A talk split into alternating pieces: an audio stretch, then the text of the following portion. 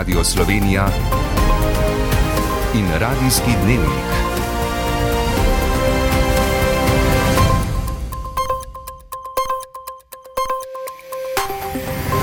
Ura je 18 in 30 minut. Lepo pozdravljeni. Vlada bo prihodnji teden začela pripravo več napovedanih reform. V naboru je tudi šolska reforma, pri kateri je pričakovati predvsem spremembe v osnovnih šolah, tudi v prvem triletju, kjer naj ne bi bilo več predmetnika. Prihodni minister za vzgojo in izobraževanje Dario Felda. Prenova prvega triletja je mišljena tako, da je v bistvu vse integrirano. Jasno, da cilji ostajajo, ampak ne več po predmeteni. Več v nadaljevanju v oddaji boste slišali tudi. Prve ambulante za bolnike brez osebnega zdravnika naj bi vrata odprle jutri. Kmetje opozarjajo, da se višanje cen hrane ne pozna pri njihovem zaslužku. Norvežan Granerud, zmagovalec skakalne tekme v Zakopanah, Lanišek četrti. Po noči in zjutraj obilno sneženje, možni snegolomi. Z vami sva Aleksandr Golja in Blaž Pernat.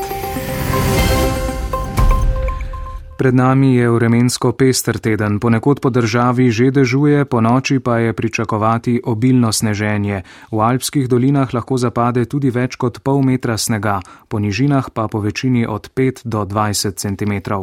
Jure Cedilnik z Agencije za okolje ob tem opozarja. V času jutranje konice takrat dejansko pričakujemo najmočnejše sneženje in ta sneg bo precej mokr, ne, tako da se bo premo tudi ponekod eh, dreves eh, in lahko povzroča ponekod tudi snegolom. V prometno-informacijskem centru opozarjajo na upočasnitev prometa in uporabo obvezne zimske opreme. Na cestah bodo plužne in posipne skupine. Sicer se nam v prihodnjem tednu obeta še nekaj padavinskih pošiljk, ponekod snežnih, ki pa ne bodo tako izrazite. Zdaj pa k pričakovanemu pestremu političnemu tednu. Koalicija se bo lotila priprave več reform. Po zaostritvi razmer zaradi nakopičenih težav bodo pogledi usmerjeni predvsem v zdravstveno reformo. Koalicijski partnerji, ki pričakujejo jasno zastavljeno časovnico, bodo v sredo na Brdu pri Kranju po napovedih začrtali tudi izhodišča za reformo plačnega sistema in pokojninsko reformo, lotili se bodo tudi davčne in šolske reforme.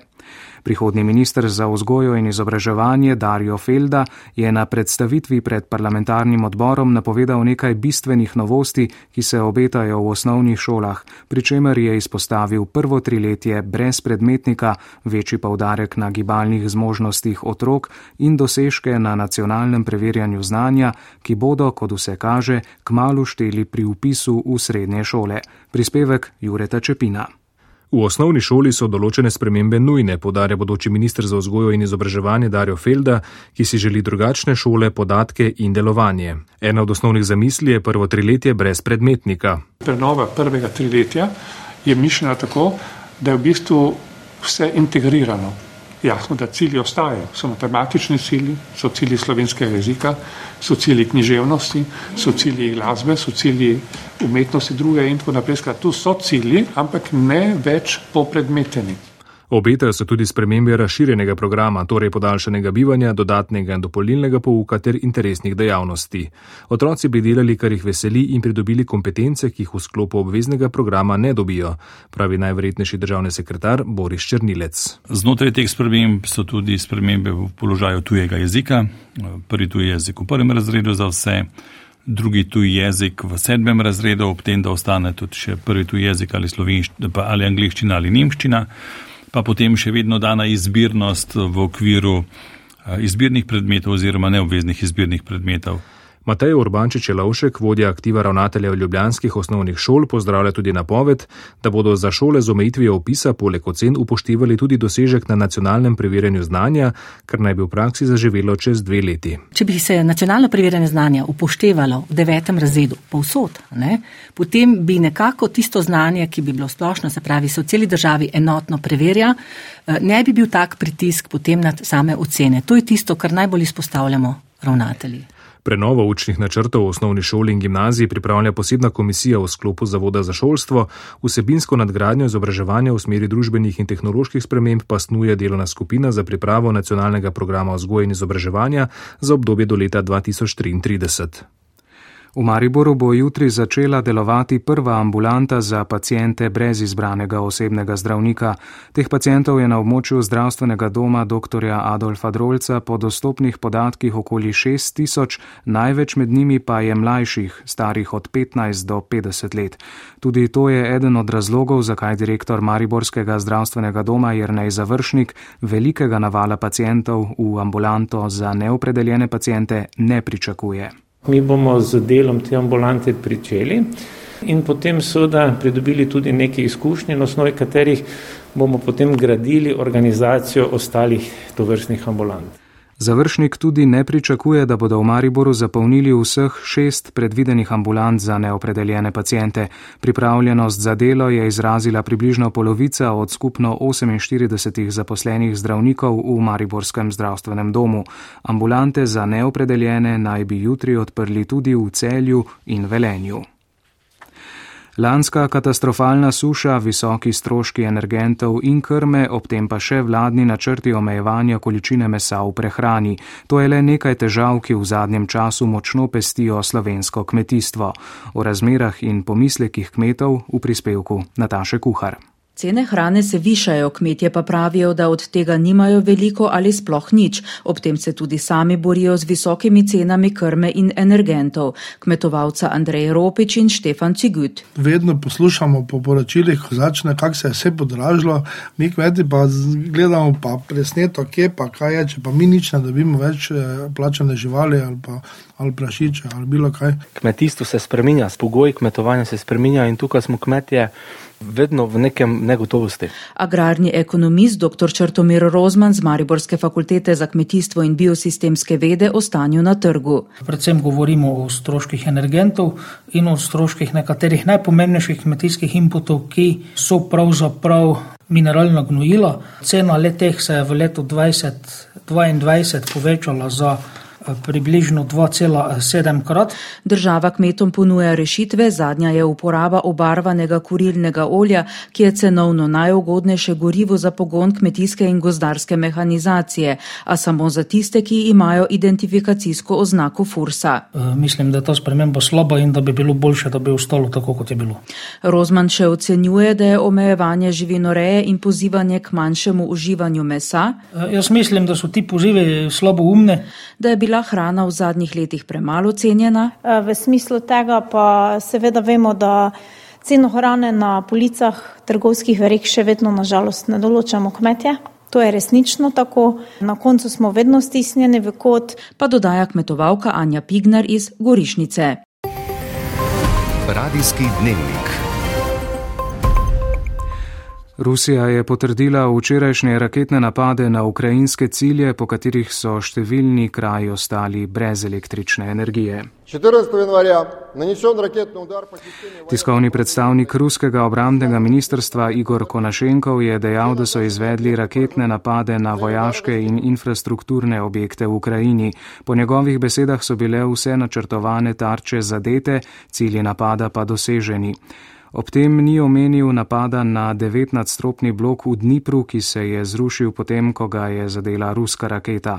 Reševalci so izpod ruševin rešili 39 ljudi, 25 ljudi je umrlo, več kot 70 je ranjenih, 43 pa jih še pogrešajo. Ruski predsednik Vladimir Putin je danes izrazil upanje, da jih bodo borci, ki so zauzeli mesto Soledar, še večkrat razveselili z rezultati. Moskva je tudi sporočila, da se njihove sile zdaj severa približujejo sosednjemu mestu Bahmut, kar Kijev zanika.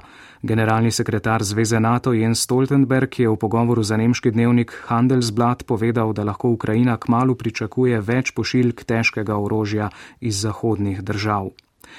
Iz ruske regije Belgorod medtem poročajo o granatni eksploziji zaradi nepravilne uporabe. Pri tem so bili ubiti trije ruski naborniki, 16 je ranjenih.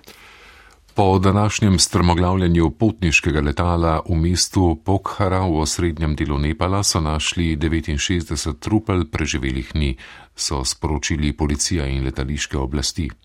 Na letalu družbe Yeti Airlines, ki je bilo na poti iz prestolnice Katmandu, naj bi bilo sicer 68 potnikov in 4 člani posadke. Preiskava vzroka strmoglavljenja še poteka. Direktor Svetovne zdravstvene organizacije Tedros Adhanom Gebreyesus je pozdravil najnovejše poročanje kitajskih oblasti o covidnih razmerah v državi.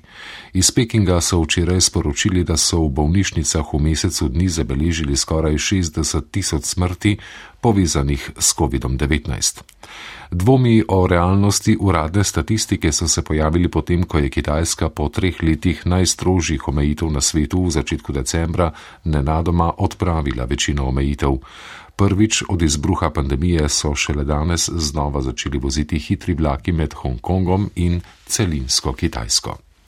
Eden od poklicev, ki so se razširili v času epidemije koronavirusa, je zanesljivo poklic dostavljavca hrane. To velja tudi v Italiji, kjer pa beležijo vse večjo razširjenost izkoriščanja dostavljavcev. Sprva je šlo za slabe delovne razmere in pomankljive pogodbe, zdaj pa zlasti za izkoriščanje priseljencev brez urejenih dokumentov, ki jih zlorabljajo kar njihovi kolegi. Več iz Rima Janko Petrovec. Ljudstvo dostavljavcev, kot mu pravijo v Italiji, šteje okoli 570 tisoč ljudi, 350 tisoč med njimi je dostava hrane poglavitni vir dohodka. Sindikalni boj za njihove pravice se je začel z epidemijo, a če zdaj za večino velja, da sta jim minimalna urna postavka ter osnovno zavarovanje pri delu zagotovljena, se je usporedno razvil nov problem - izkoriščanje priseljencev brez dokumentov. Po dognanju karabinjerjev naj bi bilo takšnih kar petina italijanskih dostavljavcev, delež pa se še dviguje. Pravila izkoriščanja so jasna. Tako imenovani korporal, pa če gre za državljana Italije ali pa za zakonitega priseljenca, svojimi ali dokumenti znancev odpre več lažnih profilov honorarnega dostavljavca. Podjetje za dostavo hrane mu za vsak profil samodejno priskrbi osnovno delovno opremo. Toda oseba, ki dejansko upravlja dostave na podlagi profila in zdobljeno opremo, je druga. Praviloma gre za nezakonite priseljence. Korporali si za svojo storitev vzamejo 20 odstotkov od dohodka dostavljavca. Delež delež lahko naraste na 50 odstotkov in sicer v primeru, ko svojim podrejenim priskrbijo tudi prevozno sredstvo, denimo kolo ali skiro. Karabinjeri ocenjujejo, da korporali dnevno zaslužijo do 70 evrov po osebi, tisti z več lažnimi profili in zato tudi z več podrejenimi dostavljavci pa s provizijami zaslužijo tudi do 400 evrov dnevno. Med primeri korporalov, ki so jih odkrili doslej, so celo takšni, ki svojo mrežo dostavljavcev hrane upravljajo iz tujine, denimo iz izvornih držav v katere so se vrnili. Za podjetja, ki jim je bila izrečena globa zaradi kršitev delovne zakonodaje, bo obvezna uvedba elektronskih evidenc delovnega časa. Ministrstvo za delo ni ustrajalo pri prvotni ideji obveznem evidentiranju za vse, so pa uvedli dodatno možnost, obvezno evidentiranje bodo lahko zahtevali delavci. Zagovorniki delavcev, kjer je največ kršitev, so nad predlogom razočarani. Urška Valjavec. Glede na obseg kršitev na področju delovnega časa, predlog zagotovo ni dovolj strok in odziven, meni Goran Lukič iz delovske svetovalnice. Poglejmo na primeru. Elektronsko vodenje evidence bo obvezno zgolj za delodajalce z izrečeno pravnomočno globo. Delodajalec, kot bi obisk inšpektorata, ko mu ta izda globo, ni to avtomatsko. Delodajalec se potem ima pravico pretožiti, zadeva sodno varstvo in te zadeva se lahko vleče dve, tri leta predem postane pravnomočna globa. In v tem času, torej še vedno njemu po tem zakonu ni treba voditi elektronske evidence. Po novem bodo obvezno vodenje evidence lahko zahtevali delavci. Če bo delodajalec to zavrnil, bo o tem moral obvestiti inšpektorat, ki bo preveril stanje v podjetju.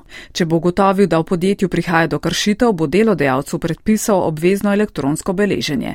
Minister Luka Mesec in na to še Lukič. S tem v bistvu delavcem, predvsem v tistih podjetjih in panogah, kjer so kršitve najpogostejše, dajemo v roke urodje, eh, da začnemo kršiteljem stopati na prste. Zdaj je bil decembr, a ne? Kje ste videli inšpektorje? Delavci so delali, je se jim staviti, najmanj po 12 ur v gostinstvu, najmanj. In zdaj si predstavljate te delavce, da bodo veselo v bistvu pod narekovaj informirali, ko bi rekel, cukali delodajalce, hej, čakaj, zdaj mi pa rabiš to pač urediti glede evidence. Novela določa tudi, da se v evidenco o izrabi delovnega časa začne upisovati podatek o času prihoda in odhoda delavca, o obsegu izrabe odmora, o upravljenih urah v posebnih pokojih dela ter urah v neenakomerno in začasno prerasporejenem delovnem času ter seštevku ur za daljše obdobje. Doslej je namreč zakon zahteval le podatek o številu opravljenih ur. Odbor za delo, družino, socialne zadeve in invalide je v iztekajočem se tednu potrdil predlog zakona o dostopnosti do proizvodov in storitev za invalide. Opozicija sicer predlagateljem očita predolge izvedbene roke in naknadno urejanje področja s podzakonskimi akti. Kdaj bo predlog nadaljeval svojo zakonodajno pot, sicer še ni znano. Prispevek je Velipovšek. Predlog zakona o dostopnosti do proizvodov in storitev za invalide opredeljuje pogoje glede dostopa do računalnikov, bankomatov, pametnih telefonov, televizijske opreme in ostalih proizvodov za invalide. Pogoje bodo morali od 28. junija 2025 izpolnjevati proizvajalci, uvozniki, distributeri in ponudniki storitev, v nasprotnem primeru pa bodo za to odgovarjali. Andrej Kaznoj, direktorica direktorata za invalide. Predstavniki ministrstv, ki so sodelovali v projektni skupini, so določili globe, ki so primerljive globam določenih v njihovih področnih zakonodajah. Znojeva pojasnjuje, da Evropska direktiva, po kateri je predlog zakona nastal, nevladne organizacije ne upleta v postopek vrednotenja in nadzora izdelkov in storitev. To nekateri problematizirajo. Mateja Toman, predsednica Nacionalnega sveta invalidskih organizacij. Posamezniki se redko kdaj odločijo, da sprožijo postopek zaradi tega, ker so bili diskriminirani in tu bi lahko organizacije stopile v vlogo pobudnikov ali vsaj eh, zainteresiranih strank v postopku. Državni svetnik Dane Kastelic pa je kritičen do tega, da zakon ne vključuje mikropodjetij. To vrstna podjetja prevladuje na našem trgu. Drugače večina storitev in proizvodov ne bo dostopnih za invalide, če tudi bi brez večjih težav lahko bila. Zaključuje, da sta velika problema sicer še vedno nedostopnost javnega potniškega prometa in objektov v javni rabi za gibalno ovirane. V nadaljevanju prisluhnite še pregledu športnega dogajanja. V ospredju bo izkupiček tekme smučarskih skakalcev na Polskem. Z vami bo Mojca Breskvar. Želimo vam miren nedeljski večer.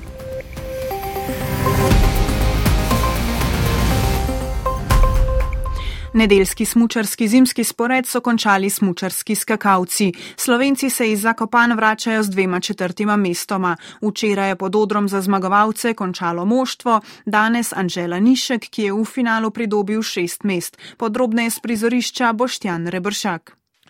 V dveh serijah se je poravnala veterna izravnava pri najboljših skakalcih svetovnega pokala, da so se zvrstili na prvih štirih mestih. V finalu je Anžela Nišek napredoval z desetega na četrto mesto z drugim skokom, z najboljšim pa Halvor Ignar Granerud z tretjega na prvo mesto za peto zmago v sezoni, s katero je v skupnem seštevku na drugem mestu prehitev Anžita Laniška. Anže je bil v vetrovni loteriji navdušen nad finalnim skokom. Vrhunski skok, eden boljših letos bi jaz rekel noben si ne zasluži, uh, da ima tako slabe razmere, kot je Kobacki štok. Uh, tudi uh, Halvor se mi zdi, da je bil malo presenečen, ni mu bilo čisto vse en za Davida, tako da nažalost se to tudi dogaja. David Kubacki je zmago, tako kot včeraj polska reprezentanca, zgrešil za točko. Slovenski reprezentanci pa še trije finalisti, Lauro Kož, Žiga Jelar in Petr Prevc, razvrščeni med 13. in 17. mestom. Za mesto je finale in prve točke ob debiju v svetovnem pokalu zgrešil Rok Masle. V Europoldingu so se biatlonci in biatlonke pomerili na tekmi s skupinskim startom. Edini slovenec na tekmi je bil Jakov Fak, ki je z dvema zgrešenima streloma osvojil 13. mesto.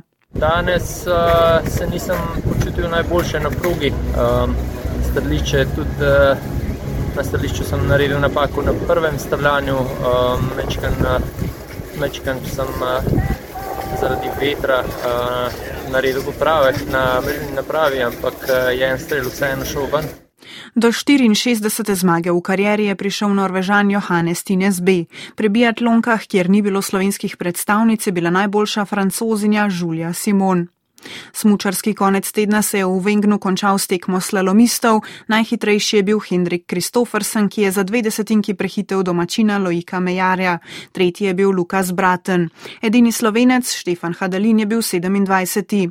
Smučarke so se v Sankt Antonu znova pomerile v supervele slalomu. Ilka Štuhec zaradi bolečin po včerajšnjem pacu ni nastopila, zmage se je veselila Lara Gudbe Hrami pred italijankama Federico Brignone in Marto Bassino.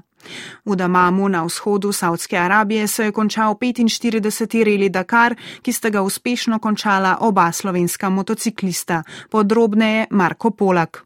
Toni Mulec in Simon Marčič sta do dobra izkusila, zakaj Reli Dakar velja za najtežje vzdržljivostno dirkaško preizkušnjo na svetu. Težav na peščenih sipinah, v neurju stočo ter v kamniti puščavi ni manjkalo. Padci na srečo obeh slovenskih motociklistov niso bili usodni, da sta zmogla končati vseh 14 etap. Toni Mulec in Simon Marčič. Sem zadovoljen, definitivno, z vrstvami, pa tudi nastop, glede na to, da sem čisti ruki. Eh, super, nek eh, dober obet za naprej, definitivno je. Žal sem pa tisti dan, ko se je izgubil vložek v gumi, izgubil preveč, da bi se lahko boril za prva mesta.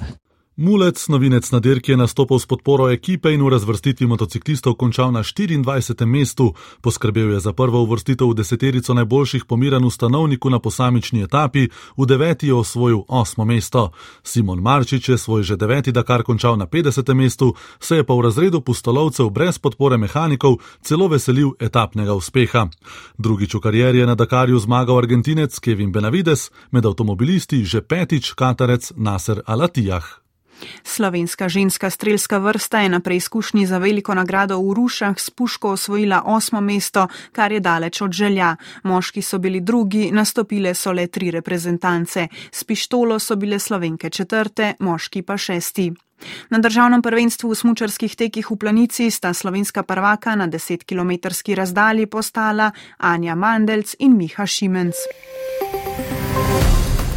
Poslušali ste radijski dnevnik, urednica Natalja Muršič, voditelj Blaž Pernat, napovedovalec Aleksandr Golja, tonski mojster Jrnej Pogačnik.